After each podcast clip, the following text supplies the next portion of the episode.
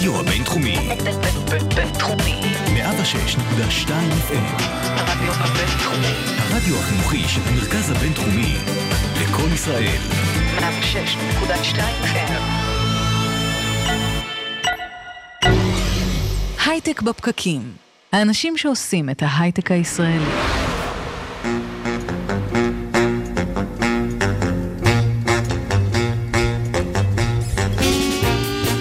בוקר טוב, יום חמישי, 10 באוקטובר 2019, אנחנו הייטק בפקקים. בוקר טוב חברים, מקווה שעבר עליכם צום מועיל, אנחנו באופן מפתיע לקראת סוף השבוע. אני אורית טולדנו, איתי באולפן הדר חי, בוקר טוב אדר. בוקר טוב. שקד דמבו על הוידאו. אדר, אתה צמת בכיפור? אני אה, לא, לא צמתי בכיפור, אבל גם לא אכלתי הרבה. אז באמצע, מין משהו מאוזן כזה. אז אנחנו הייטק בפקקים, אנחנו משדרים לכם ברדיו הבינתחומי, בפייסבוק לייב, בכלכליסט, אצטדיון הסטארט-אפ, חפשו אותנו גם בסאונד קלאוד, בכל אפליקציות הפודקאסטים שקיימות, במילת החיפוש בפקקים, אנחנו מחכים לכם שם. אתם מוזמנים uh, לשלוח לנו שאלות בפייסבוק, תגובות, הערות, אנחנו בשידור לייב, אנחנו רואים את זה ועונים. ואנחנו מתחילים עם התוכנית של היום, נמצא איתנו כבר באולפן אסף ברנע, מנכ"ל ומייסד סנארה ונצ'רס, מיד נדבר על חדשנות במערכת הבריאות, על הבריאות, דיגיטל הלת', מאוחר יותר תצטרף אלינו שרון חלבני מהפודקאסט 10 דקות על שיווק, כל המסקנות הטובות משיווק, איך משווקים פודקאסט. וגם אברמי וינגוט מ-12... מ-12 Angels, שאחרי האיחוד עם Outbrain וטאבולה, יספר לנו מה השלב הבא.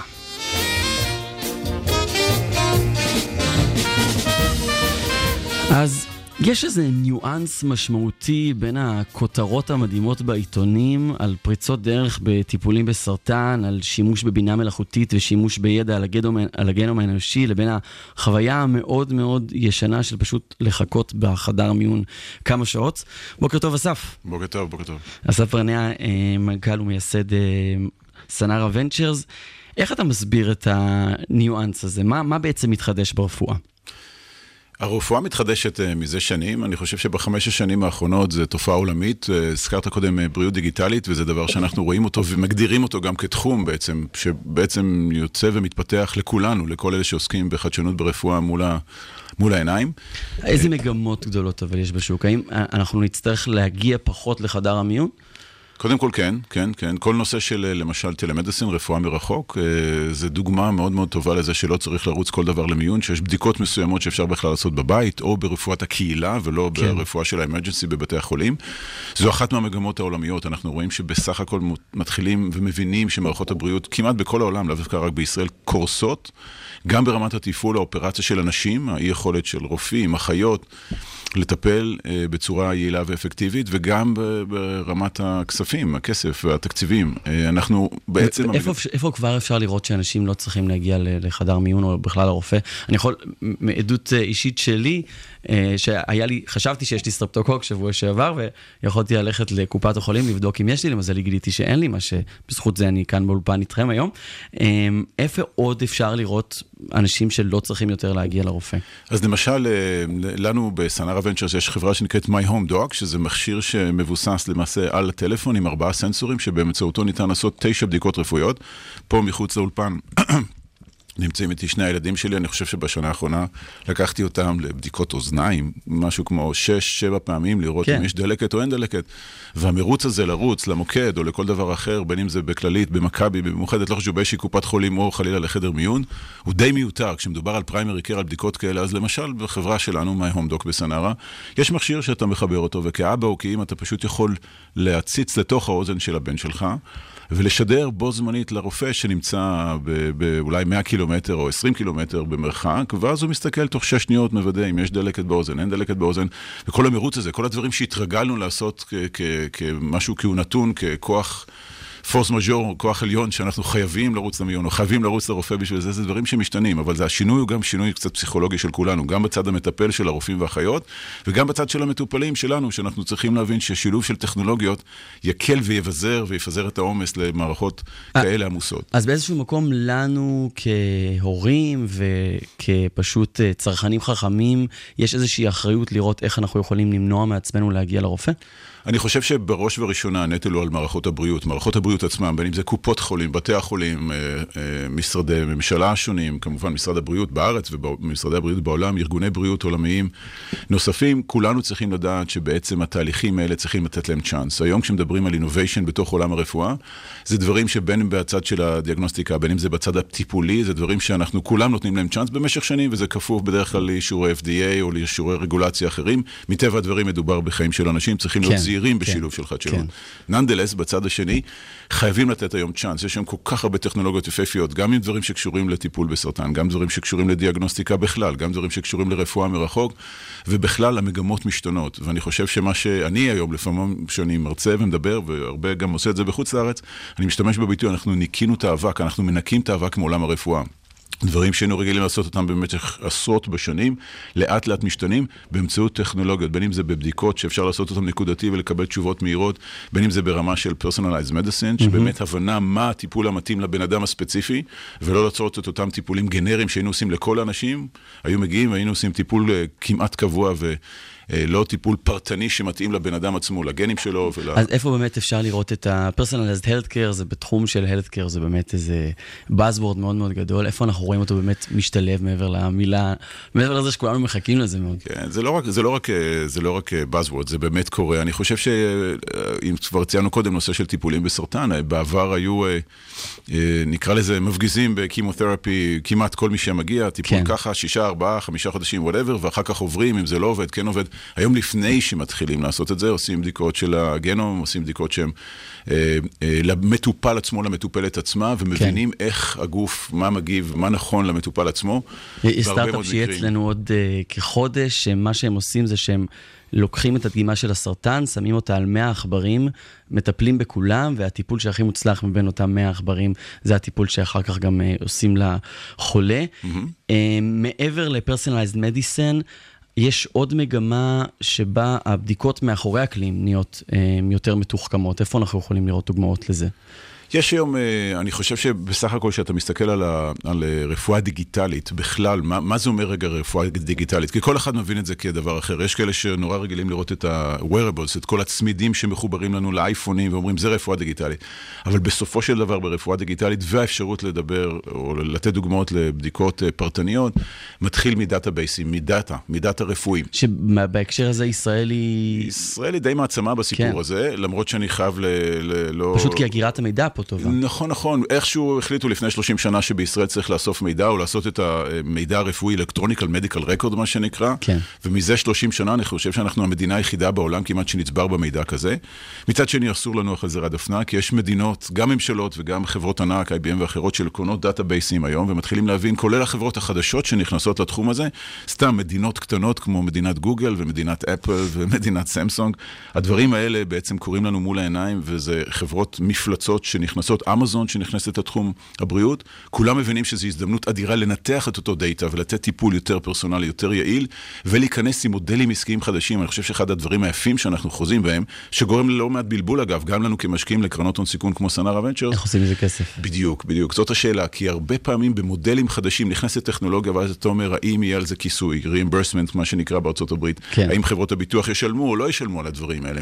זאת אומרת, השילוב של אתם באמת- טכנולוגיות אתם הוא כקרן גם... השקעות, איזה מודלים, השקע, איזה מודלים של השקעה אתם מחפשים? בטח אתגר גם עבורכם. נכון, נכון, זה, זה, זה התהוות של שוק, זה נכנסים למשהו שהוא קצת, קוראים לזה לפעמים באנגלית, עוד מעט שרון תדבר על, על אה, שיווק בכלל, אבל על בלו אושן, על תחום חדש לחלוטין, גם על טכנולוגיות, ומה שהתחלתי להגיד קודם, זה גם על מודל עסקי חדש. למשל, אחת החברות שלנו בסנרה נקראת טיילורמנט, זו חברה שבעצם תוכנה פיננסית שהולכת לבתי חולים, ואיכשהו התחלנו עם סרטן, אז ניתן לו את הדוגמה גם הזו. למעשה, הם, הם עושים אה, אופטימיזציה של מערכות אה, תשלום תשלום של out of pocket בארצות הברית, שלא כמו בישראל, שלא כמו באנגליה, משלמים מטופלים 20 או 30 אחוז מהוצאות הטיפול, ולפעמים פשוט משפחות פושטות את הרגל. כן. וזה מחזות קורעי לב, בארצות הברית זה נקרא financial toxicity, על כל המשמעות של זה.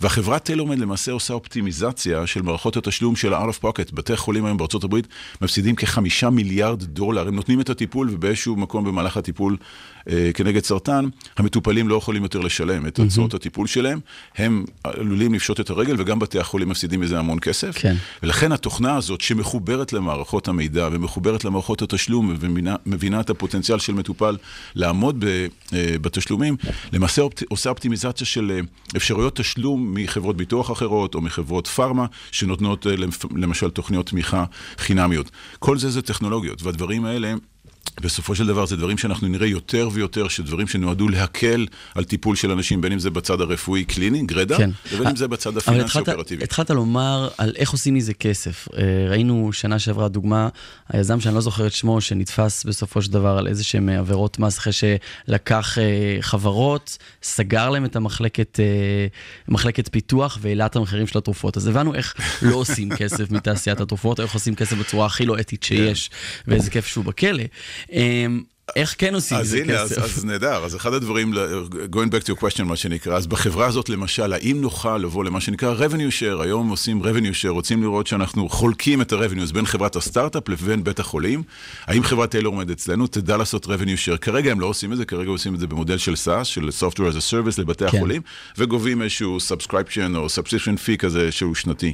אבל הצפי הוא בסופו של דבר שככל שתצליח כסטארט-אפ כזה או אחר לחסוך כסף למערכות הבריאות ולייעל תהליכים, תוכל לבוא ולהגיד, חסכתי לכם 20%, בוא נתחלק, בוא נעשה share או sharing על ה-revenue שהצלחת לחסוך, או להוסיף לבית החולים או לקופות החולים וכולי, וזה מודל עסקי חדש שעוד לא כל כך רץ, אבל מתחילים לראות ניצנים שלו, גם בארץ, אפילו פה ושם, ובטח ובטח בארצות הברית. מה שאנחנו מדברים מאוד טכנולוגי, מאוד עולם מערבי, איפה אנחנו רואים את הטכנולוגיות האלה נכנסות גם למדינות המתפתחות? המון, המון, המון. רפואה דיגיטלית זה הזדמנות אה, אדירה למדינות המתפתחות. זו אותה קפיצה שתמיד נותנים דוגמה קלאסית, כמו שקרה באפריקה, שבמקום להכניס קווי טלפון בתוך האדמה, פשוט קפצו לטלפונים הסלולריים. זה ממש קורה גם שם. אני, לשמחתי, גם אה, יצא לי לא מעט לעזור ולייעץ לבנק העולמי לצוות הון סיכון של ה-World Bank, של ה-International Finance Corporation, שזרוע המימון של ה-World Bank. עשינו צריך לומר שאתה היית יועץ של, אה, של קרן המטבע הבינלאומית, נכון? של, של הבנק העולמי, של כן, של. הבנק העולמי, כן. זה תפקידים נוספים שאני עושה גם מטעם מכון הייצוא הישראלי, אני יושב ראש אה, אה, זרוע מדעי החיים של מכון הייצוא, ואנחנו מנסים להגדיל את הייצוא של ישראל של 9 מיליארד דולר בתחום של ביוטק devices מ- מישראל, והכל אלה מנועי צמיחה שאנחנו מנסים באמת להכניס גם למדינות מטעם הבנק העולמי, למשל להודו, לברזיל, הכנסנו טכנולוגיות שהן טכנולוגיות רפואיות שבבתי חולים בהודו ובברזיל לא ידעו על קיומן, ועשינו קול קורא ל-400 סטארט-אפים מרחבי העולם כבנק עולמי, והכנסנו לשם לבתי חולים טכנולוגיות של טלמדיסין או לטיפול במלאריה או לדברים אחרים. אתה יכול לספר דוגמה, דוגמה אחת כזאת? כן, בוודאי. יש אה, חברה, למשל, דוגמה קלאסית, חברה ישראלית שנקראת מוביל ODT, חברה של, היום סטארט-אפ של 40 איש, והם עושים אה, בדיקות לסרטן צוואר הרחם. בהודו זה אחוז תמותה הכי גבוה של נשים, פשוט נשים גרות רחוק מדי, כן. או שאם כבר הגיעו לבדיקה אחת, הן לא חוזרות להמשך הבדיקה. אה, ומוביל ODT למעשה מחליפה את הבדיקה השגרתית ש, שעושים אה, בארץ ובעולם, בבדיקה שנעשית דרך מכשיר אה, טלפוני, שגם הוא מחובר למעשה, דיבה שמחובר על הטלפון, ויכול להחליף למעשה את בדיקת הפאפס הרגילה שכולנו מכירים כן. מזה עשרות בשנים. מוביל ODT כזו הגיעה, ואנחנו דרך הבנק העולמי פתחנו לה דלתות ברשת בתי חולים הכי גדולה בהודו שנקראת אפולו, עם 70 בתי חולים. עשו ולידציה לטכנולוגיה, לראות שזה אכן עובד, ובמצב הקליני זה נכון להמשיך אה, לתת עם זה את הטיפול או את את תהליך האבחון. והיום מתחיל שלב של מסחור גם לכפרים רחוקים וגם למקומות שבהם אין הנגשה של שירותים רפואיים או בדיקות רפואיות, וזו רק דוגמה אחת מתוך עשרות דוגמאות לדברים שאנחנו רואים בעולם, ובוודאי ובוודאי למדינות אה, מתפתחות, שזו הזדמנות אדירה להיכנס עם רפואה דיגיטלית ולקפוץ למעשה מעל חוסר התשתיות האינהרנטי הבסיסי שקיים שם מזה עשרות אולי מאות בשנים. כן. פתחתי את הרעיון עם שאלה על הניואנס הגדול הזה בין באמת פריצות דרך מדעיות מדהימות ו- ופיצוח של הגנום האנושי כבר לפני די הרבה שנים, ומצד שני, אותה חוויה בחדר מיון של מין... כן, לקוות ששמו משהו מעניין בטלוויזיה ולחכות שם במשך כמה שעות. אה, אה, מתי, מתי החוויה, האם החוויה הזאת צפויה להשתנות באיזשהו מקום? היא צפויה להשתנות, היא צפויה להשתנות. אנחנו מתחילים לראות, אה, שוב, מהצד של האינוביישן ושל הסטארט-אפים, אנחנו רואים אה, היום חברות, אפילו חברות אה, ישראליות, אה, עולה לי אחת בראש שקירה רדינסקי מעורבת בה, איזו חברה שהייתה איתנו באיזשהו קשר בסנארה, ועשינו אה, איזשהו אינטרו לאיזה שחקן אחר, אבל היום אה, ההגעה למיון היא באמת חוויה לא טובה, לחכות בתור שעות על שעות, הבדיקות עד שהן נעשות. כמובן שכל השהייה בבית חולים, נושא של זיהומים, בישראל אני חושב כן. שמתים מדי שנה כ-6,000 איש מזיהומים, זה קורע את הלב, צריך למצוא לזה פתרון. מנסים, זה לא שלא מנסים, גם מערכות הבריאות עצמם, אבל יש, יש דברים במסות הגדולות של הטיפול. אה, אז אמרנו באמת, אה, מגמה אחת היא ביזור, פשוט לא להגיע לבית חולים. אם אה, אפשר. יקל יקל גם על הבית חולים וגם על האנשים. קודם כל, זה- אם אפשר- או לא כן. להגיע, או באמת לעשות את הטיפול בבית. כן. הרבה פעמים היום מוציאים את הטיפול החוצה, ויש אה, hospital to home, יש היום חברות שמתעסקות בהנגשה כן. של נתינת שירותים, ואם אפשר להיות כבר מטופל בתוך הבית ולא להימצא בבית החולים, גם ברמת ההרגשה של המטופל עצמו כמובן, אבל גם באמת בזה שאחות תגיע ותנטר, או יהיה ניטור מרחוק של מערכות שפיליפס למשל עושה, וכולי, ועוד שחקנים אחרים, אנחנו רואים את זה קורה אה, כמעט ב... אז זה- ב- אז זה מגמה אחת. מצד שני, בית החולים עצמו, אני נמצא בחדר המיון, מתי, לא יודע, יוכל לסרוק אותי? הרי בסופו של דבר זה אנשים שמקבלים החלטות, ואנשים הם לא טובים בלקבל החלטות. ואני תוהה מתי תיכנס בינה מלאכותית, או איזושהי- איזשהו אמצעי חכם יותר, או, או אסיסטיב טכנולוגי לאותו בן אדם, בן אדם שמקבל החלטות יש שיעזור לי. היום, יש היום, יש היום uh, כבר פיילוטים שרצים בכל העולם כמעט, על גם, גם על הנקודה הספציפית הזאת, וזו רק אה, חוויה אחת קטנה מתוך עולם הרפואה כמובן, ההגעה למיון בבית החולים, אבל יש היום uh, גם ניצול הזמן שאתה מחכה, איסוף המידע על מי אתה, מה אתה, ולא רק uh, אותה נקודת מפגש שבה הרופא פוגש פציינט בחדר מיון עם כל הלחץ והמתח שיש שם, אז יש איסוף מידע מקדמי ויש תהליכים של, של אב- אבחון יותר מדויק ויותר נכון, חלקם עם AI, עם, חלקם עם רובוטים אפילו, יש כבר פיילוטים של רובוטים שניגשים אליך, או שאתה עושה איתם איזשהו משחק, או שאתה ואתה מתחיל לתת מידע על מי אתה, מה אתה, מה ההיסטוריה הרפואית שלך mm-hmm. וכולי, לנצל את הזמן, למקסם את הזמן, לעשות אופטימיזציה של התהליכים האלה, כמו שאמרתי, גם בוודאי בצד של הלוגיסטיקה, של האופרציה, של ניהול נכון של זמן, ומשאבים של אנשים, אחיות וכולי, וגם בצד הקליני עצמו, גם בצד של הגעה להבחנה יותר מדויקת ולטיפול יותר מיטיב. כן. אה, אתה אומר הרבה אנחנו, ואנחנו זה סנארה ונצ'רס, שזה קרן השקעות משותפת של אה, טבע ושל פיליפס, נכון? נכון, נכון, קודם נכון. כל, איך אתה מסביר את זה ששתי גופים ככה משתפים פעולה, אומרים, היי, בוא נעשה קרן ביחד. זה מה שיפה נורא, כשמדברים לפעמים על Open Innovation ככלל, אתה פתאום רואה כל מיני שילובים מוזרים כאלה שאולי לא היו קורים במציאות. כל חברה רצה עם האג'נדה שלה, עם הביזנס שלה, אבל אה, גם טבע, גם פיליפס חברו ביחד למיזם של חדשנות, לקרן השקעות למה שנקראת למה. חברו ביחד? חברו ביחד בשעתו כשרצנו אה, אה, רצנו למכרז של חממות, של קרן השקעות תחת חממה, בין היתר גם כחממה טכנולוגית, ופשוט אה, באופן אבסורדי, גם מול רשות החדשנות, מה כן. שהיה בעבר המדען הראשי, אה, מכיוון שהיו גופים בינלאומיים גדולים אחרים, מאוד מרשימים, שחברו ביחד וניסו, היה מאוד קשה לזכות בזיכיון, והם רצו פשוט להגדיל את סיכוייהם אה, לזכות במכרז. ואז אנחנו רואים חברת פארמה, אה, חברת הפארמה הגנריקה הכי גדולה בעולם כמו טבע, עדיין, למרות המשבר שהיא עוברת, וחברת devices שעושה היום transition לעולם של דאטה, וכבר מפסיקה להיות חברת devices כמו פיליפס, שעושה CT ו-MRI ומערכות אחרות, למעשה חוברות ביחד ולא דורכות על האצבעות של אחת של השנייה, זה היה נורא יפה. וטכנולוגיות שאנחנו משקיעים בהן לפעמים הן סינרגטיות לטבע, לפעמים כן. הן סינרגטיות לפיליפס. אה, ולפעמים גם בכלל לא, ואנחנו בכלל גם קוראים ליזמים שיבואו לסנארה, אנחנו אוהבים להשקיע את המיליון, מיליון וחצי דולר הראשונים ולתת צ'אנס ליזמים שיגיעו. שיתוף פעולה זה ממש מעורר השראה, נקווה שנשמע עוד כאלה ונקווה ונקווה שנשמע במיוחד עוד כאלה שיעזרו לנו להיות בריאים יותר ולחיות לאורך זמן יותר. תודה רבה, אסף ברנע, מנכ"ל ומייסד אה, סנארה ונצ'רס, תודה רבה. תודה, תודה.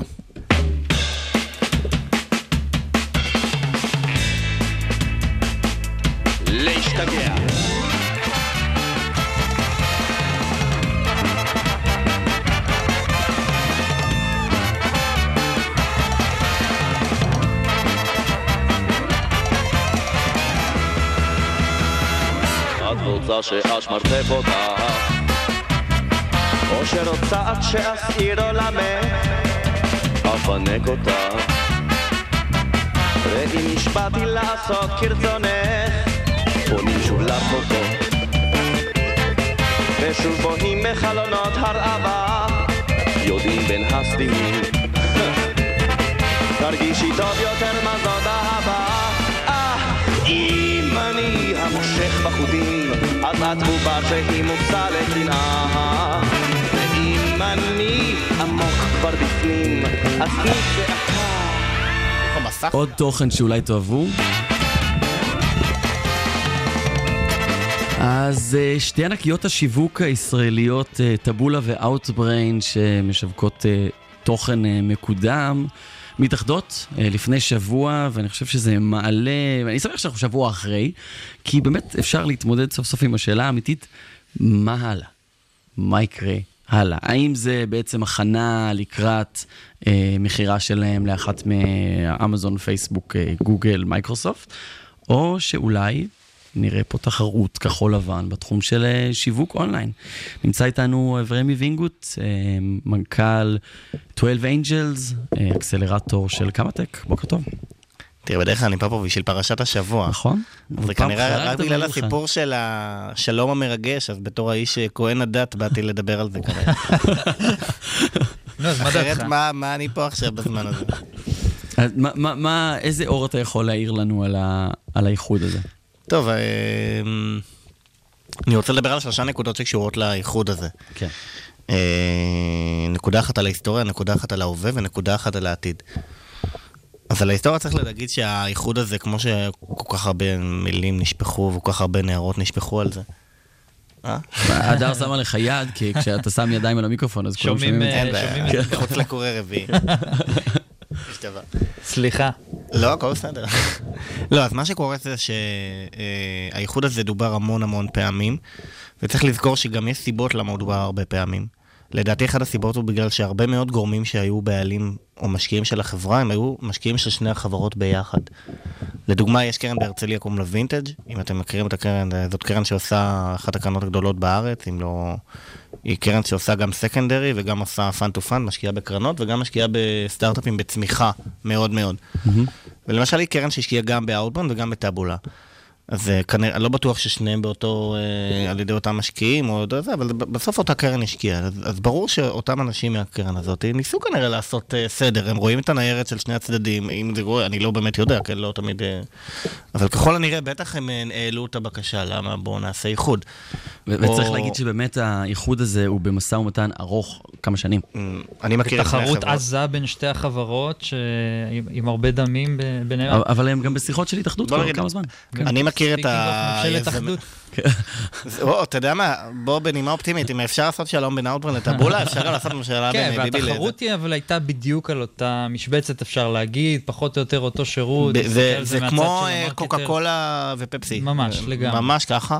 ממש ללא שום הבדל. יש ט- טיפה גישה, זו אחת מהן קצת יותר התפרעה במה, איזה תוכן יותר פרסומי להכניס, המותג הוא. אחר, האתרים, אבל בסוף... אה, טאבולה אולי הלכה קצת יותר לחו"ל, אאוטברין יותר אה, הייתה Mm. חזקה בישראל לא, בהתחלה, אה, אחר כך זה התהפך. כן. אבל מה שמעניין אותי לחשוב איתכם ביחד זה האם החברות האלה יש להן, אומרים כדי להתחרות מול פייסבוק וגוגל, יש פה בכלל איזשהו סיכוי לתחרות אמיתית? תראה, הם ביחד, ל... הם לא נראה, אף אחד לא, לא שמעתי אף פעם שמישהו מדבר שהם יתחילו לעשות אה, פרסום אה, ממומן של אה, מה שגוגל ופייסבוק עושים. כן, אבל פייסבוק הם, אם מתחילה הם כבר... קרובים זה יותר לגוגל בגלל שהם תוכן, ולא... אה, ולא. אבל אבל- פייסבוק כבר עכשיו מתחילה לכוון את המאמצים שלה, לקחת עוד traffic מאתרי תוכן, וגם. עם, עם ה instant articles, וגם עם האפשרויות שהיא נותנת אה, גם לאתרי תוכן לשתף איתם פעולה, מצד אחד קצת לדרוס אותם, וטאבולה קצת נמצאת פה טאבולה במשבצת- מחזירה את הכוח, שניהם מחזירים את הכוח לאתרי התוכן, כי פייסבוק אה, וגוגל יש להם את העמודים השקופים האלה שאתה קורא ואתה אפילו לא יודע שאתה לא באמת באתר תוכן עצמו. נכון? יכול להיות שאתה קורא איזה אתר ו- של fake news. לא, לא, אה, מעבר לזה, אני מדבר, יש אה, לפעמים לינקים שאתה לוחץ עליהם בדה מרקר, יש בפייסבוק, להם שיתוף פעולה כזה, כן. כן. אבל יש אה, ממש לינקים שאתה לוחץ, ואתה כן, כן. חושב שאתה נמצא בדה מרקר ואתה לא בדה מרקר. זה, דף שהוא נחלב באישור. ואאוטבריין וטאבולה דווקא נותנים חזרה את הכוח לתוכן, ודרך אגב, הרבה יותר אנשים נכנסים ביום לתוכן אה, חדשותי דרך אאוטבריין וטאבולה מאשר דרך, דרך, מאשר דרך גוגל ופייסבוק. היו מספרים וואו. מוחלטים של נראה לי עשרות מיליארדים או משהו כזה. באמת? כן. זה- אה, אז אפשר להבין, אגב, האמת היא שהמספר כן, הזה היה לפני איזה. שנה-שנתיים, אני לא יודע אם הוא עדיין מעודכן, אבל לא חושב שהוא אמור להשתנות. כי בסוף כשאתה נמצא באתר תוכן, אז ואתה ממשיך. טוב, כי אתה בעצם. אתה בעצם, האאוטבריין וטאבולה זה, השלוחות של אתרי התוכן בכל העולם, נכון. זה בעצם מתחיל נכון. להישמע הגיוני.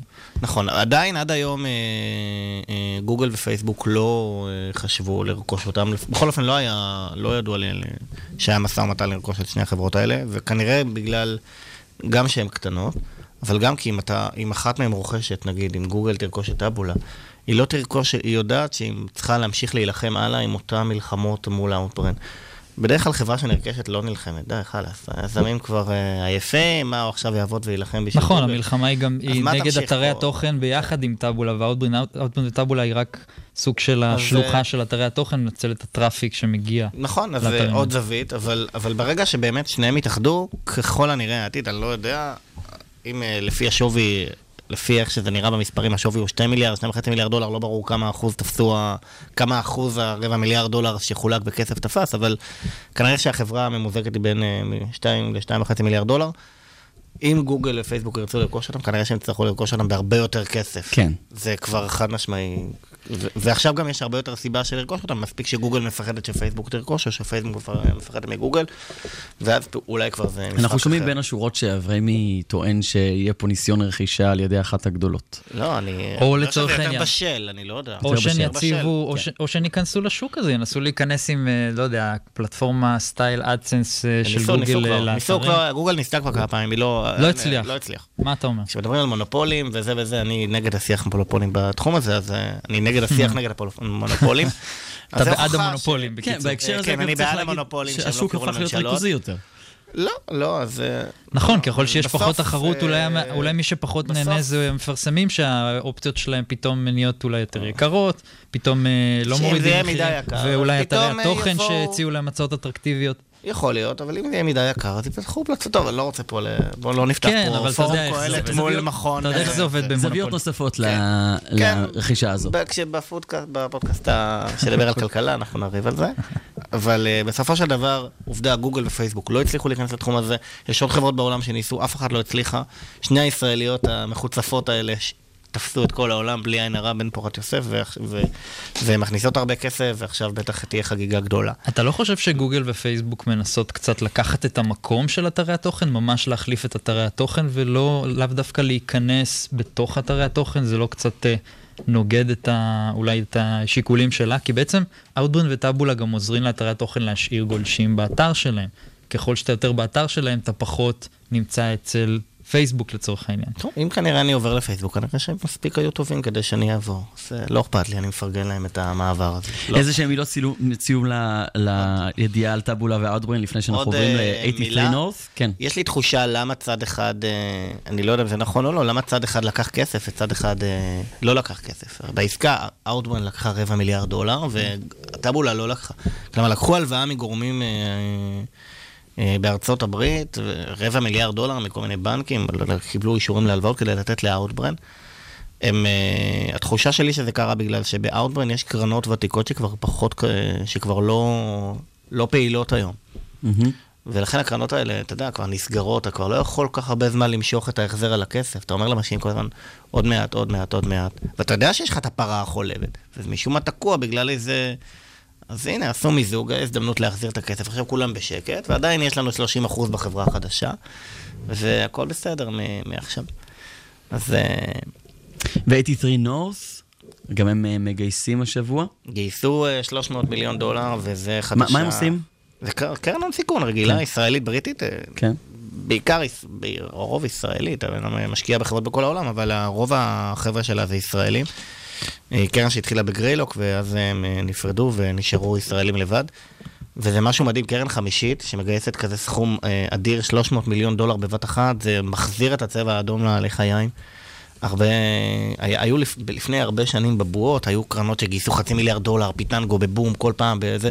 היום כבר אה, כמעט לא רואים כאלה קרנות, ופתאום חוזרת לנו קרן שהקרן הזאת גייסה לפני שנתיים וחצי רבע מיליארד דולר, 250 מיליון דולר, אחרי שנתיים וחצי להביא 300 מיליון דולר. אין פה bullshit, אין פה אף... אה, זה כבר לא חלום, זה כבר לא... כן. זה business אמיתי.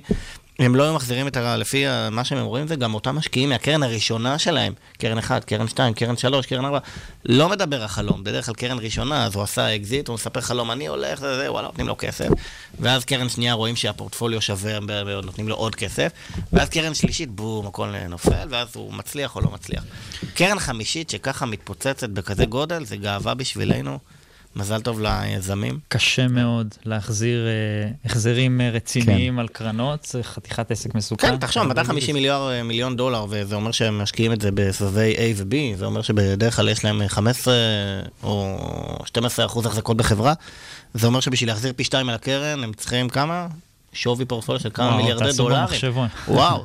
לא, אבל לא, גם יכול להיות שהם משקיעים קצת בסבבים יותר מאוחרים, ואז אה, זה אומר שהם לא צריכים לעשות... אה, אה, הם לא עוברים הרבה דילולים, אבל עדיין זה- הרבה מאוד כסף. לפחות כמה מיליארדים. אז גיוס ישראלי גדול ואיחוד מאוד אה, יפה ומרשים שנותן אולי השראה ותקווה שיהיה לפוליטיקה. בהצלחה לנו. אברהים וינגו, תודה רבה. אתה חוזר לנו פרשת השבוע עד אה. רבע שעה בערך.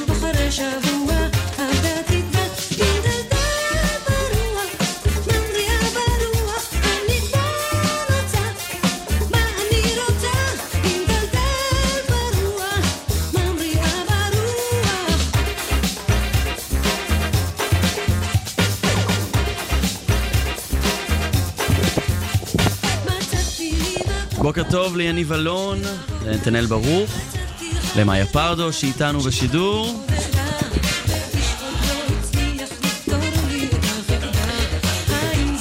יגאל אלחרר, שרון המיושר, אומרת לנו בוקר טוב מאלה שלא עשו גשר, נכון, זה גורם לנו להרגיש חרוצים, אנחנו מעריכים את זה. שקמנו בחמש בבוקר.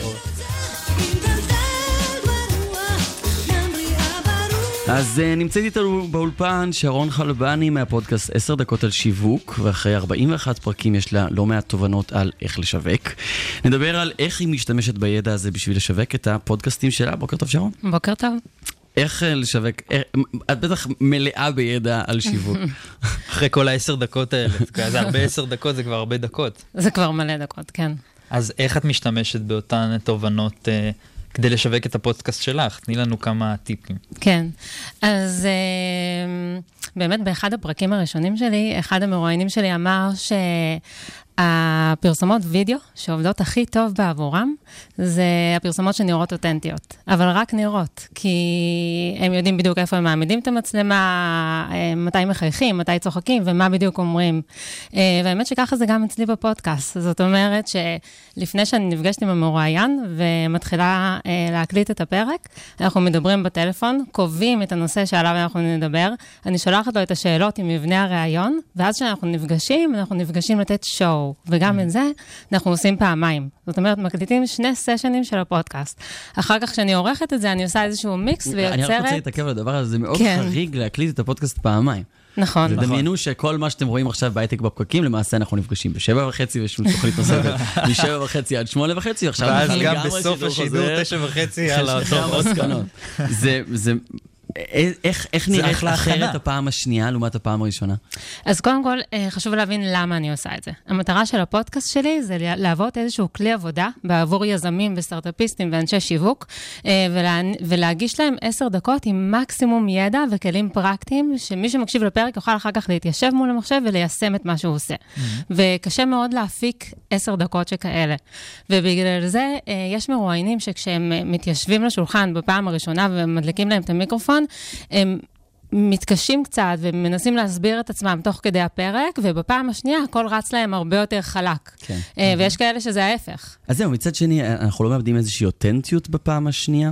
אז מין כזה, לא מצליחים לשמר את אותה התלהבות? כן, פתאום אולי יש איזה צחוקים שהתפספסו. אה, כבר סיפרנו את הבדיחה הזאת, כן. אנחנו נצחק פחות. אז קודם כל יש לי את שני הסשנים, כן? זה לא שהסשן השני אז עולה. יכול להיות שאת לוקחת. את הבדיחה הזאת, אני אכניס לכאן, זה יכול לקרות דבר זה, כזה? זה קורה. וואו. כן, זה קורה. אה, וכן, בסופו של דבר, אולי זה קצת פחות אותנטי, אבל המטרה של הפודקאסט היא להעביר ידע. כן. אה, וזאת הדרך האידיאלית, להעביר את המקסימום ידע בעשר דקות. טוב, אני, אני חושב שעשר דקות זה גם איזשהו משהו שברגע שהוא מצמצם לך את התוכן, את חייבת להיות מאוד ממוקדת, לקחת את הדברים אה, ומאוד מאוד לזקק ולמקד אותם בצורה נכון. כזאת ששומרת רק את הדברים הכי הכי חזקים, והמגבלה הזאת יוצרת איזשהו ערך. speaking of, הייתה לי איזו שיחה שבעתיד אתם תשמעו אותה על יצירתיות, ברגע שמייצרים איזה שהן מגבלות, בעצם היצירתיות מתחילה לפעול. אז זה גם. משהו שברגע שאתה מגביל, אתה מייצר איזשהו אה, מקום לעשות דברים יותר טוב. יכול להיות. כן. משהו לחשוב עליו. כן, נכון מאוד. אה, אני שומע בין השורות שיש לך פרטוריזציה נורא ברורה. אה, את אומרת, אה, מבחינתי הרבה יותר חשוב שזה יהיה כלי עבודה לסטארט-אפיסטים שרוצים ללמוד על יזמות, על, שיווק, סליחה, כן. מאשר שזה יהיה אותנטי. אז, אז הפרוטוריזציה הזאת זה משהו שהוא מבחינתך, זה, זה תובנה, זה כל אחד צריך שיהיה כן. לו... כש, כשאני הקמתי את הפודקאסט, אני אפיינתי את קהל היעד שלי. אוקיי? זה משהו שתמיד עושים בשיווק, ואני הבנתי מי האנשים שהולכים להאזין לפודקאסט שלי. כן, אה, כל היזמים שמאזינים לנו, גם אנחנו. כן, לכם כמה יש? באזור ה-20-30 אלף מאזינים בשבוע, זה קצת יותר משלי, אבל אה, אולי עכשיו נגדיל את הכמות של המאזינים של הפודקאסט שלי.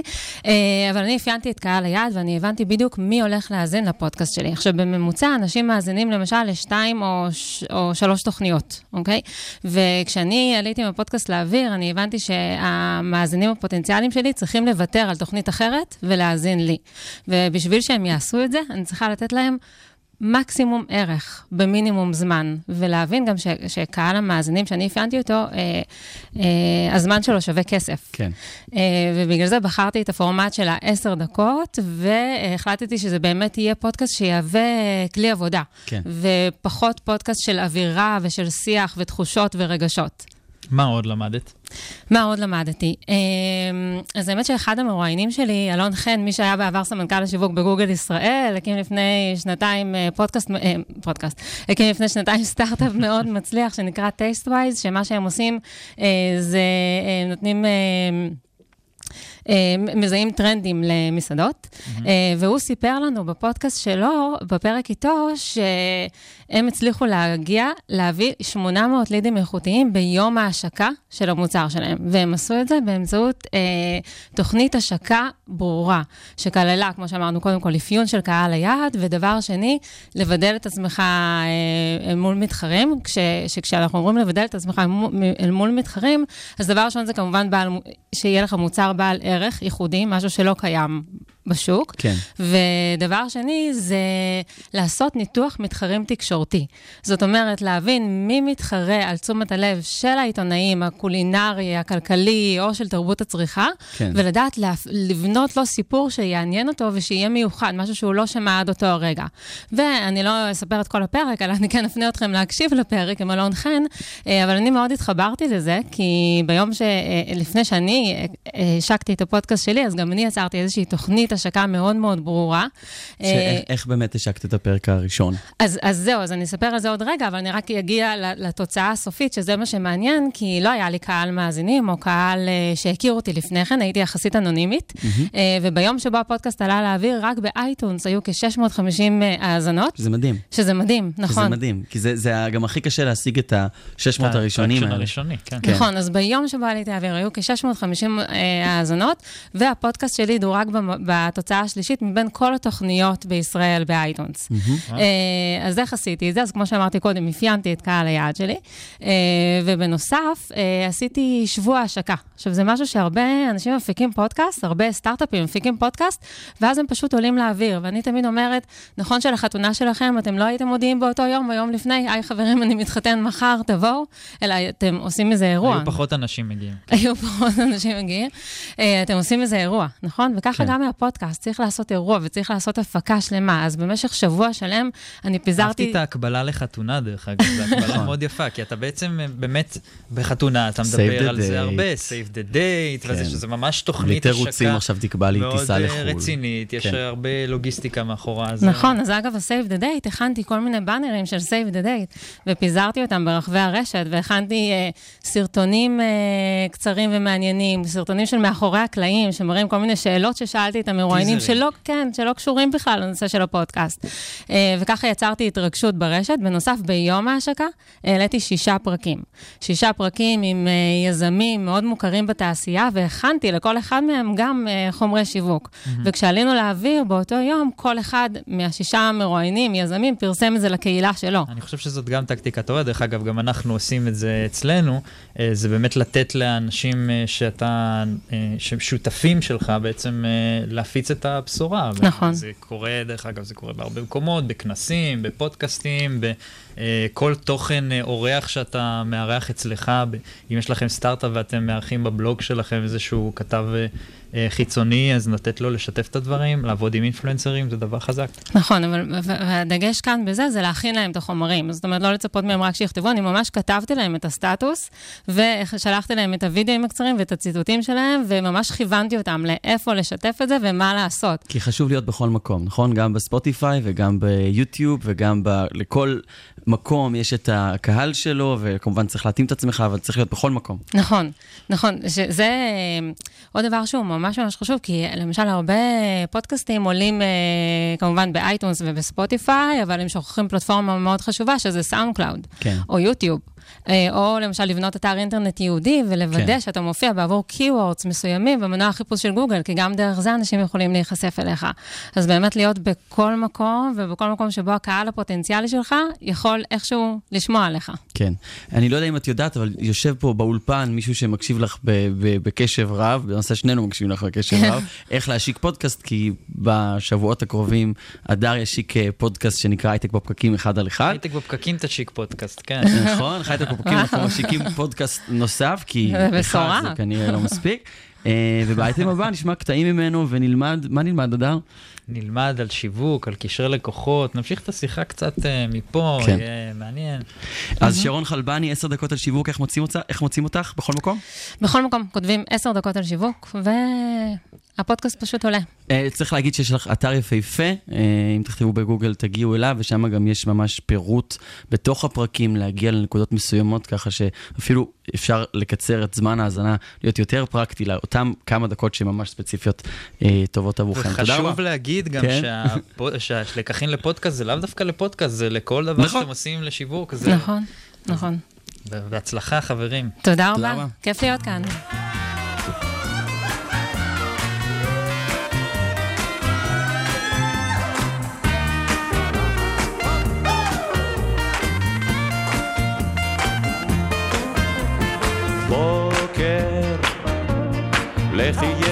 יבשה,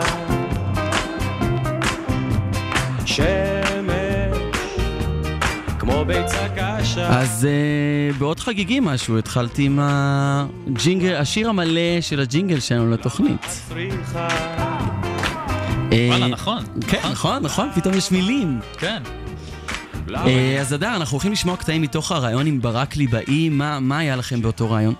אז אה, פרופסור אה, ברק ליבאי הוא מומחה לקשרי לקוחות ושיווק, הוא מתעסק אה, בדברים מעבר שמאוד מעניינים. דיברנו על המדד הכי חשוב בעסק שרובנו בכלל לא מכירים, וזה מה שבעצם הופך את אמזון לחברה שכל, ששווה כל כך הרבה מאות מיליארדי דולרים. אה, ודיברנו על למה חברות אה, אה, יכולות לרצות להשאיר לקוחות אפילו אם הם מפסידים להם כסף. מאוד מעניין. אז בוא נשמע, בוא נשמע את פרופסור ברק ליבאי מדבר על מונח שנקרא נכסיות לקוחות. אז הסיפור בגדול הוא טכנולוגיה. אבל אם אתה הולך ממש אחורה, אז חלק מהדברים שהשתנו זה קשה יותר לבדל. כשאני הייתי קטן, היה ברור שיש מוצרים יותר טובים מאחרים. היה סוני עם הטלוויזיה שלו וכל השאר. והיה ברור שיש הבדל ביניהם. היום קשה לבדל, המוצרים הרבה יותר דומים, יותר קל לחכות. כמובן שאנשי שיווק עושים את מיטב מאמצ- מאמציהם לבדל, אבל זה קשה. אבל עדיין יש מותג ויש נאמנות למותג. לא? אמת. אבל כמה נאמנות על זה יש ויכוח. וחלק מהטענות שאני טוען, שממה שבה הקנייה חוזרת, זה לאו דווקא אותה נאמנות שאנשים מדברים עליה. אז ממה כן? למשל מחסמי מעבר, שאליהם נגיע, אני מניח. אבל שוב, השאלה שלי, אני לא מסתכל על נאמנות, נאמנות מסבירה אצלי בסוף, אני מסתכל על שימור. זאת אומרת, האם הם נשארו או לא. ואם הם נשארו, מי הם אותם אנשים שנשארו? אני שואל, איך נוצר כסף בסופו של דבר? וזאת, וזאת הייתה היסטורית בעיה, כי אנשי שיווק לא הסתכלו על זה. אז אוקיי, פה לא דיברנו על נכסיות לקוחות, אבל זה מין מונח שיחזור חוזר בעצם בכל, בכל הפודקאסט שלך, בתור מישהו ששמע אותו בהאזנה מוקדמת. על מה ברק מדבר כאן? הוא מדבר על uh, משהו שהוא לא טריוויאלי כל כך. Uh, יש uh, הרבה הרבה התעסקות, ואנחנו גם רגילים להתעסק בכל הנושא של חוויית לקוח, ו- ונאמנות למותג וחיבור למותג. זה דברים שהם מאוד סקסיים גם לדבר עליהם בשיווק, כן. ולכן גם הרבה פעמים מדברים עליהם.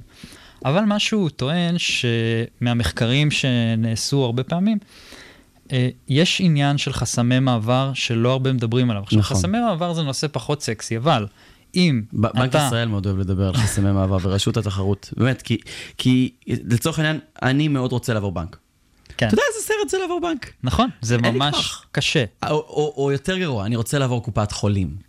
נכון. איזה משהו שהוא על גדר הבלתי אפשרי, כאילו זה אפשרי, אבל זה פשוט לא שווה את המאמץ זה לא נוח. ואנשים לא תמיד מעריכים עד כמה הם בעצם עצלנים. כן. והדבר הזה הוא משהו שאנשים כבעלי עסקים גם צריכים להבין את, ה, את הדבר הזה. חסמי מעבר הוא, הוא דבר מאוד מאוד חשוב, ולצורך העניין, אם יש לך מסעדה אה, למטה, שאתה פשוט אה, נוח לך בדרך לעבודה לעבור בה, אז זה יכול להיות גורם הרבה הרבה יותר חזק הרבה פעמים מהנאמנות שלך למסעדה. יכול להיות שיש מסעדה הרבה יותר טעימה, אבל היא במרחק 20-25 דקות נסיעה, אתה תגיע להרבה פחות. כן. אז הדבר הזה הוא באמת אה, מאוד מאוד חשוב. אמ, מאחר ואנחנו עוסקים, בפו- מדברים הרבה על פודקאסטים היום, אז יש פודקאסט של חיות כיס שמדבר, אה, מראיינים שם, לדעתי את מיכל אלפרין, מנכ"לית רשות התחרות, והיא מאוד שמה על ראש שמחתה את הנושא של אה, חסמי מעבר, וזה משהו שרשות התחרות מאוד לוקחים אה, לתשומת ליבם, של איך הם מנסים לעודד את השוק אה, בעצם להיות תחרותי יותר על ידי זה שהם מורידים חסמי מעבר. אז ראינו לדוגמה אה, בעניין הזה את המעבר לדלקן אוניברסלי. ככה שאני כבר לא מקובע לתחנה אחת, אלא שיש לי יותר חופש מעבר מבחינה הזאת. בואו נשמע קטע נוסף. ה offline מתעסק עם כל מיני דברים, גם אין לו זמן למדוד, יש לו את הסחירות והלא רבים. האונליין, הוא קם בבוקר, כל מה שהוא רואה זה רשומות של לקוחות. אין לו ברירה אלא להתייחס לזה ככה. ומתפתחת תרבות של להסתכל על נתונים. עכשיו, מה שקרה גם היסטורית, ואנחנו רואים את זה בבתי ספר למינהל עסקים, שזה טרגדיה במידה מסוימת בכל העולם. כשאנשים מגיעים למינהל עסקים, היותר כמותיים הלכו למימון נניח, והיותר רכים, קריאטיביים וכדומה לשיווק. אבל זה לא עולם השיווק של היום. אנחנו עדיין צריכים את הקריאייטיב, למען הסר ספק, ליצור את הערך ללקוח, ללכת ו- ולהביא את ה-lifetime value. אבל הסיפור של המנצחים זה אלה שמשתמשים בנתונים. הסיפור של המנצחים זה אלה שמשתמשים בנתונים. נכון, זה ממש יפה להבין את זה, כי נוצר פה משהו מאוד מעניין, וזה משהו שגם דיברנו עליו, זה זה שאנשים אה, שהם אה, יותר טכניים, יותר מתעסקים בנתונים, אה, הרבה פעמים מגיעים לעולמות שהם אה, יותר קשורים במימון. זה נכון שבעולם הדיגיטלי היום הדבר הזה משתנה, וזה, וזה מגמה טובה, אבל היכולת להשתמש ולהציג מספרים, היא מאוד מאוד חשובה בעולם של היום, בעולם שכבר אנשים רגילים לראות מספרים. זאת כן. אומרת, מנהל השיווק או מנהלת השיווק שבאים אה, למנהל הכספים או למנכ"ל ומראים לו קמפיין, ויכול להיות מאוד קריאטיבי ומאוד יפה, עדיין תמיד אה, שמים את השיווק אה, בעדיפות אה, יותר נמוכה, ואני מכיר את זה בעיקר מהעולמות, דרך אגב, של אה, B2B. תמיד המכירות אה, מקבלים הרבה מאוד אה, תשומת לב וכסף, כן. והשיווק תמיד נדחק הצידה. עכשיו, למה זה קורה? כי קשה מאוד לשים מדדים פרקטיים על, אה, על שיווק. אבל לשים מדדים פרקטיים על שיווק, ואנחנו מדברים פה על שילוב של שיווק ומימון, זה בעצם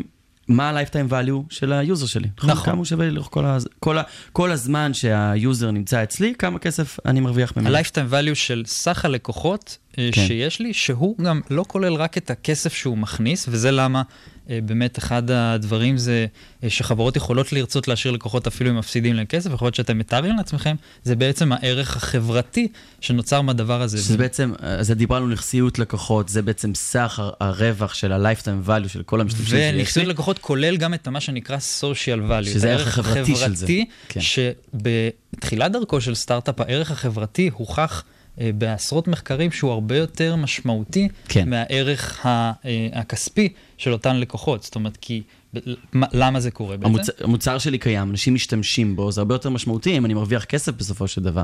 וכחלק מהמודל של סטארט-אפ, אני צופה להרוויח, להפסיד כסף בשלבים הראשונים. אבל זה יותר מזה, אתה, כשאתה מתחיל את הדרך, אתה בעצם צריך שהשמועה תתפשט, נכון. ולייצר את ההוקי סטיק הזה. אז אתה צריך את הלקוחות הראשונים שיפיצו את השמועה. עכשיו הם צריכים להיות כמובן מרוצים אה, ולדבר עליך, אבל בגלל זה הערך החברתי של אותו משתמש, זאת אומרת, שווה לך להוציא היום יותר כסף מאשר ה-lifetime value שלו יהיה, אם אתה לוקח בחשבון את אותו social value ומכניס אותו לתוך אה, מדדים. ואז אתה יכול להתווכח על ההנחות, אבל מה שחשוב להבין זה באמת לייצר הנחות מאוד ברורות ולהבין איך דברים יעבדו. זאת אומרת, גם אם יש לך רעיון לקמפיין מדהים, מה הוא יעשה?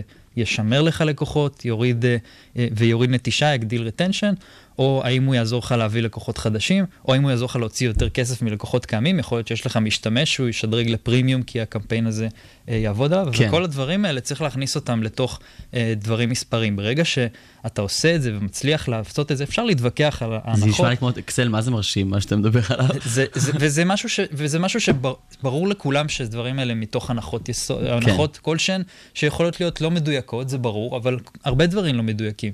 אז, אה, אז גם זה נכנס בתוך דבר לא מדויק, שאתה צריך לבוא ולהראות אותו אה, למי שמקבל את ההחלטות, אז הדברים כבר הרבה יותר ברורים. אז יש על מה להתווכח. ברגע שאתה אומר, האנשים יאהבו את המותג, ברגע שאתה אומר שיתחברו אלינו יותר כי הקמפיין הזה יעבוד, אז אה, אתה נכנס לבעיה, כי אנשים רגילים לראות מספרים.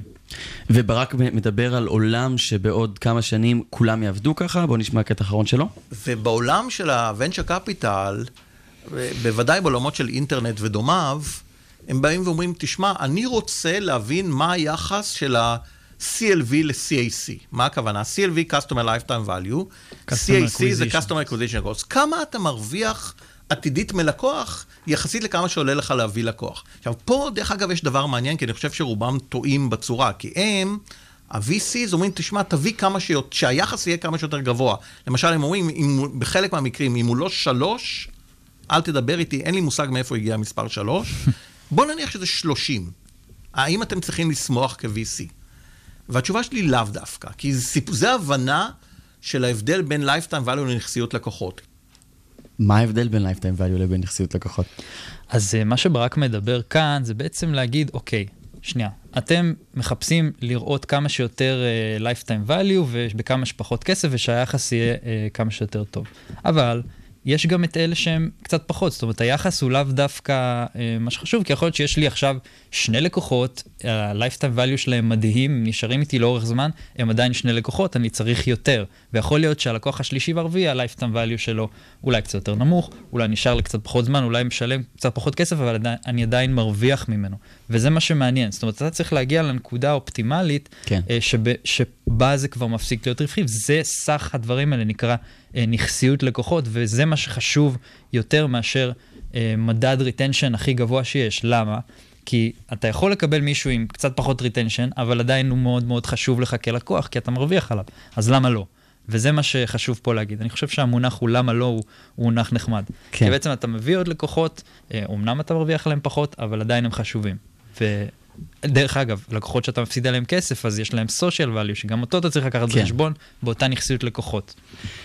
טוב, נשמע לי שהמון מנהלי שיווק עכשיו פשוט מתבאסים לשמוע שגם הם אה, יאלצו אה, לרדת מהעץ הקריאטיבי שלהם ולהתחיל זה להראות דווקא, מספרים. לאו דווקא, הם יכולים להישאר קריאטיביים ופשוט להראות מספרים בדרך, זה ברור. טוב, זה, לי, אני חייב להגיד, שמעתי את כל הרעיון וזה היה מרתק, אה, וצריך להגיד גם תודה פה לפרופסור ברק אה, ליבאי מהמרכז הבינתחומי, ואנחנו ממשיכים לפרשת השבוע. תודה רבה, הדר חי.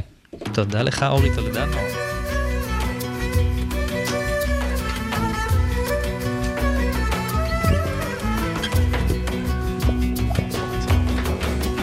פרשת השבוע. שוב שלום אברהימי. שוב שלום, מה קורה? חזרת לכובע הרגיל מחדשות השבוע, מהמחדש לנו לפרשת השבוע, מדבר אה, על ימים ימימה ואיך זה רלוונטי היום. הרבה זמן לא הייתי פה באמת. אני. רוצה לדבר על חתימה טובה ומה המשמעות של חתימה. אוקיי, החלתי את זה להמון אנשים, אני חייב להגיד ש...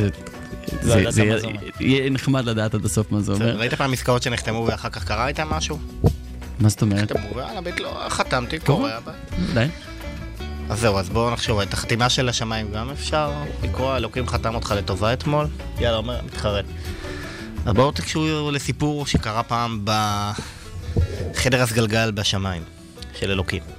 כן. טוב, יום אחד אלוקים רואה שבבית המקדש היהודים מתנהגים לא בסדר. לא רוצה להגיד מה הם עשו שם. הוא uh, קורא למלאך גבריאל. מלאך גבריאל היה המלאך הראשי, השר הראשי, אומר לו, תקשיב, גבריאל, אתה שר. יש לי פה מתחת לכיסא, כיסא הכבוד, ככה אלוקים אומר לו, קערה של גחלים, שמשם אני מדליק את הסיגריה. קח בבקשה אה, כף מלאה בגחלים, זרוק אותה על ירושלים. מה הפירוש של הדבר הזה? הכוונה, תשמיד את ירושלים. אה. גחלים מ... מ- טוב, גבריאל הוא מאוד אוהב את העם היהודי ואת ירושלים, מה הוא הולך להשמיד את ירושלים? מה פתאום? טוב, מה הוא עושה? הוא שולח את היד, לוקח את הגחלים, אבל עושה ככה. מעביר מיד ליד, מקרר אותם, ואז זורק על ירושלים. התוצאה הייתה לא קרה כלום. אוקיי. לא קרה כלום, אולי קצת נשרף טיפה, אני יודע, אבל לא... ירושלים נשארה שלמה. באותו זמן. טוב, אה, גבריאל אה, חוזר לשמיים, לחדר הסגלגל. אלוקים אומר לו, נו, מה, מה היה? אז הוא אומר לו, עשיתי מה שאמרת לי לעשות. עכשיו, אלוקים יודע שהוא לא עשה את זה. מן הסתם. מסמן שם לאחד המלאכי מוות. תופסים פולסא דנורא. אתם יודעים מה זה פולסא דנורא? פולסא דנורא, תמיד אומרים שקללת פולסא דנורא. הרב עובדיה הטיל פולסא דנורא על כן. יוסי שריד. אני יודע, זה כאילו... מה שהיה. זה כאילו כנראה מקל מאש, או מכה מאש. חבר'ה, תנו לגבריאל המלאך 60 מכות, פולסא דנורא. בוא, בוא, תנו לו מכות, מה זה? אני שואל אותך מה עושים, מה עשית? היית צריך להגיד לי, לא עשיתי. כן. אתה אומר, עשיתי כשבאמת, תכלס, לא באמת עשית, שיבשת, הרע, לקחת את כל האפקט של הגחלים. ומוציאים אותו מאחורי הפרגוד, זורקים אותו החוצה מהחדר הסגלגל. צריכים, אה, אבל אה, מש... שמש אחר. את מי מכניסים? מחפשים שר לא יאומן כי יסופר, את ידידתנו הוותיקה, השר דוביאל, שר האיראנים, שר הפרסים, שר של האומה האיראנית. אוקיי. טוב, במקום המלאך גבריאל, גבריאל אוהב את היהודים וזה, וזה את עם ישראל, ואתה מכניס פה את אה, אחמדינג'אד לחדר הסגלגל. טוב. אה, דוביאל אה, לא, איך אומרים, במקום מתחיל לעבוד, הוא אומר איפה הטפסים של המיסוי ושל להשתלט על מדינות אחרות, הוא אומר יש לי פה טופס, אני רוצה, אומר לקדוש ברוך הוא, תקשיב, אני אכפת לך שאני אקח מס מ... מס, כאילו, האומה האיראנית תגבה מס מעיראק, אין בעיה, קח. טוב, כותבים עיראק, אפגניסטן, קח. 25 מדינות, כמו, כמו היום איראן, סומכים תימן, אה, כן. לבנון, 25 מדינות, לוקחים מס מהם. כמה זמן יש לי? יש, יש דקה, יש, כן. דקה. יש שתיים. אה, הסיפור הוא מהגמרא, כן? זה לא סיפור שאני ממציא, כן? זה ממסכת יומא דף עין. אוקיי. והוא כותב 25 מדינות, ואז הוא אומר, מה עם מדינת ישראל? אני... הכי חשוב. אלוקים אומר לו, אין בעיה. בסדר. אני רוצה גם לקחת כסף מתלמידי חכמים, אנשים שלומדים תורה כל היום. אומר לו הקדוש ברוך הוא, אין בעיה. עכשיו, הכל כי... הכל, הוא כעס, כן, אלא... הוא כותב, ואז הוא מגיע את זה לקדוש ברוך הוא, תחתום. הקדוש ברוך הוא חותם. חתימה לרעה, שכל המדינות האלה, כולל היהודים וכולל uh, התלמידי חכמים, אנשי הישיבות, ייתנו מס לאיראן. אוקיי. ואז עומד בחוץ גבריאל, הוא ישב, הוא לא היה פראייר, ישב מאחורי הפרגוד והקשיב למה שקורה, ואז הוא צעק, מה פתאום? אה, אתם יודעים שהתלמידי חיים האלה, אפילו האישה שלהם עובדת כל היום בהייטק, מקבלת לו, עובדת כמו חמורה, מגדלת תשע ילדים, כדי שהבעל יישב וילמד תורה, וממנו אנחנו הולכים לקחת מס? לא ייתכן. אז אלוקים אומר, מי זה שם אומר שם דברי טעם, תכניס אותו חזרה. הכניסו אותו, ואז גבריאל נכנס, אבל הבעיה, נחתם כבר הדף. הוא יודע מי זה, תופס את הדף של אה, דוביאל, המס- האיראני, בולע את זה. עכשיו ככה, גם אחרי החתימה... אה, אה, זה- הטריק? אז זה למה האיראנים. כועסים עלינו? רגע. ואז הגמרא אומרת, לכן באמת עד היום באיראן חצי מהאנשים עובדים שחור, חצי מהאנשים עובדים לבן. נקודת מס נורמלית. בקיצור, אם יש- אם יש חוזה שלא לטעמי, תאכל אותו? לא, אבל אה, חסידים לקחו את הסיפור היפה הזה מהגמרא ואמרו, גם אדם שחס ושלום נגזר עליו דברים לא טובים ביום כיפור, כן. הוא עדיין יכול אה, לגרום. לכל מיני פעולות. ו- מה זה אומר ששנה הבאה יש לנו בעצם הזדמנות חדשה? יש לך בור בימים הקרובים, אה, חג סוכות, אה, תשמח, תהנה, תארח סוכת שלום אנשים אחרים. תעשה ו- דברים טובים. בדיוק, ואז אולי תגרום לזה שיהיה לנו שנה טובה. אתם בטוח נחתמתם לטובה, אני מדבר על מי לא. שמרגיש שהוא לא נחתם מספיק טוב, אז עדיין יש לו הזדמנות, גם אחרי החתימה, לבלוע אותה, וזהו. תודה רבה, אברמי. פעמיים כי טוב היום. כן. טוב, אז אנחנו מתקרבים uh, לסיום הפרק שלנו כאן בהייטק בפקקים. תודה רבה להדר חי שהיית איתנו באולפן, תודה רבה לאברמי ויינגוט, שאמרתי את השם שלך לא נכון כל התוכנית, ועכשיו פעם ראשונה אמרתי אותו כן נכון, אז כמו תמיד, לוויינגוט. בסדר. Uh, תודה רבה לשקד דמבו, שמי שרואה אותנו, תדעו שזה בזכותו, מצלם אותנו ומעביר מצלמות, תודה רבה שקד. Uh, תודה רבה לקרין רביב, גם על התמיכה מהבית. ולנירית כהן. נירית כהן כמובן, תודה לכלכליסט ולרדיו בינתחומי על שיתוף הפעולה, תודה לכם שהאזנתם לנו בפקקים, במשרד או בבית. סעו בזהירות אם לא הגעתם למשרד, אם אתם לא במשרד ועשיתם פשוט גשר, אנחנו תומכים בכם גם בהחלטה הם הזאת. בפקקים ב- בנתניה, בנתיב ה... בנתיב. המהיר כמעט לא הגיעו לנו היום. בבוקר. אתם מוזמנים לשמוע את התוכנית המלאה ב SoundCloud, ב Spotify, באתר רדיו בינתחומי, בכלכליסט, בכל אפליקציות הפודקאסטים, פשוט חפשו את המילה בפקקים, אנחנו מחכים לכם שם. להתראות בפרקים הבאים, ובסוף שבוע נעים.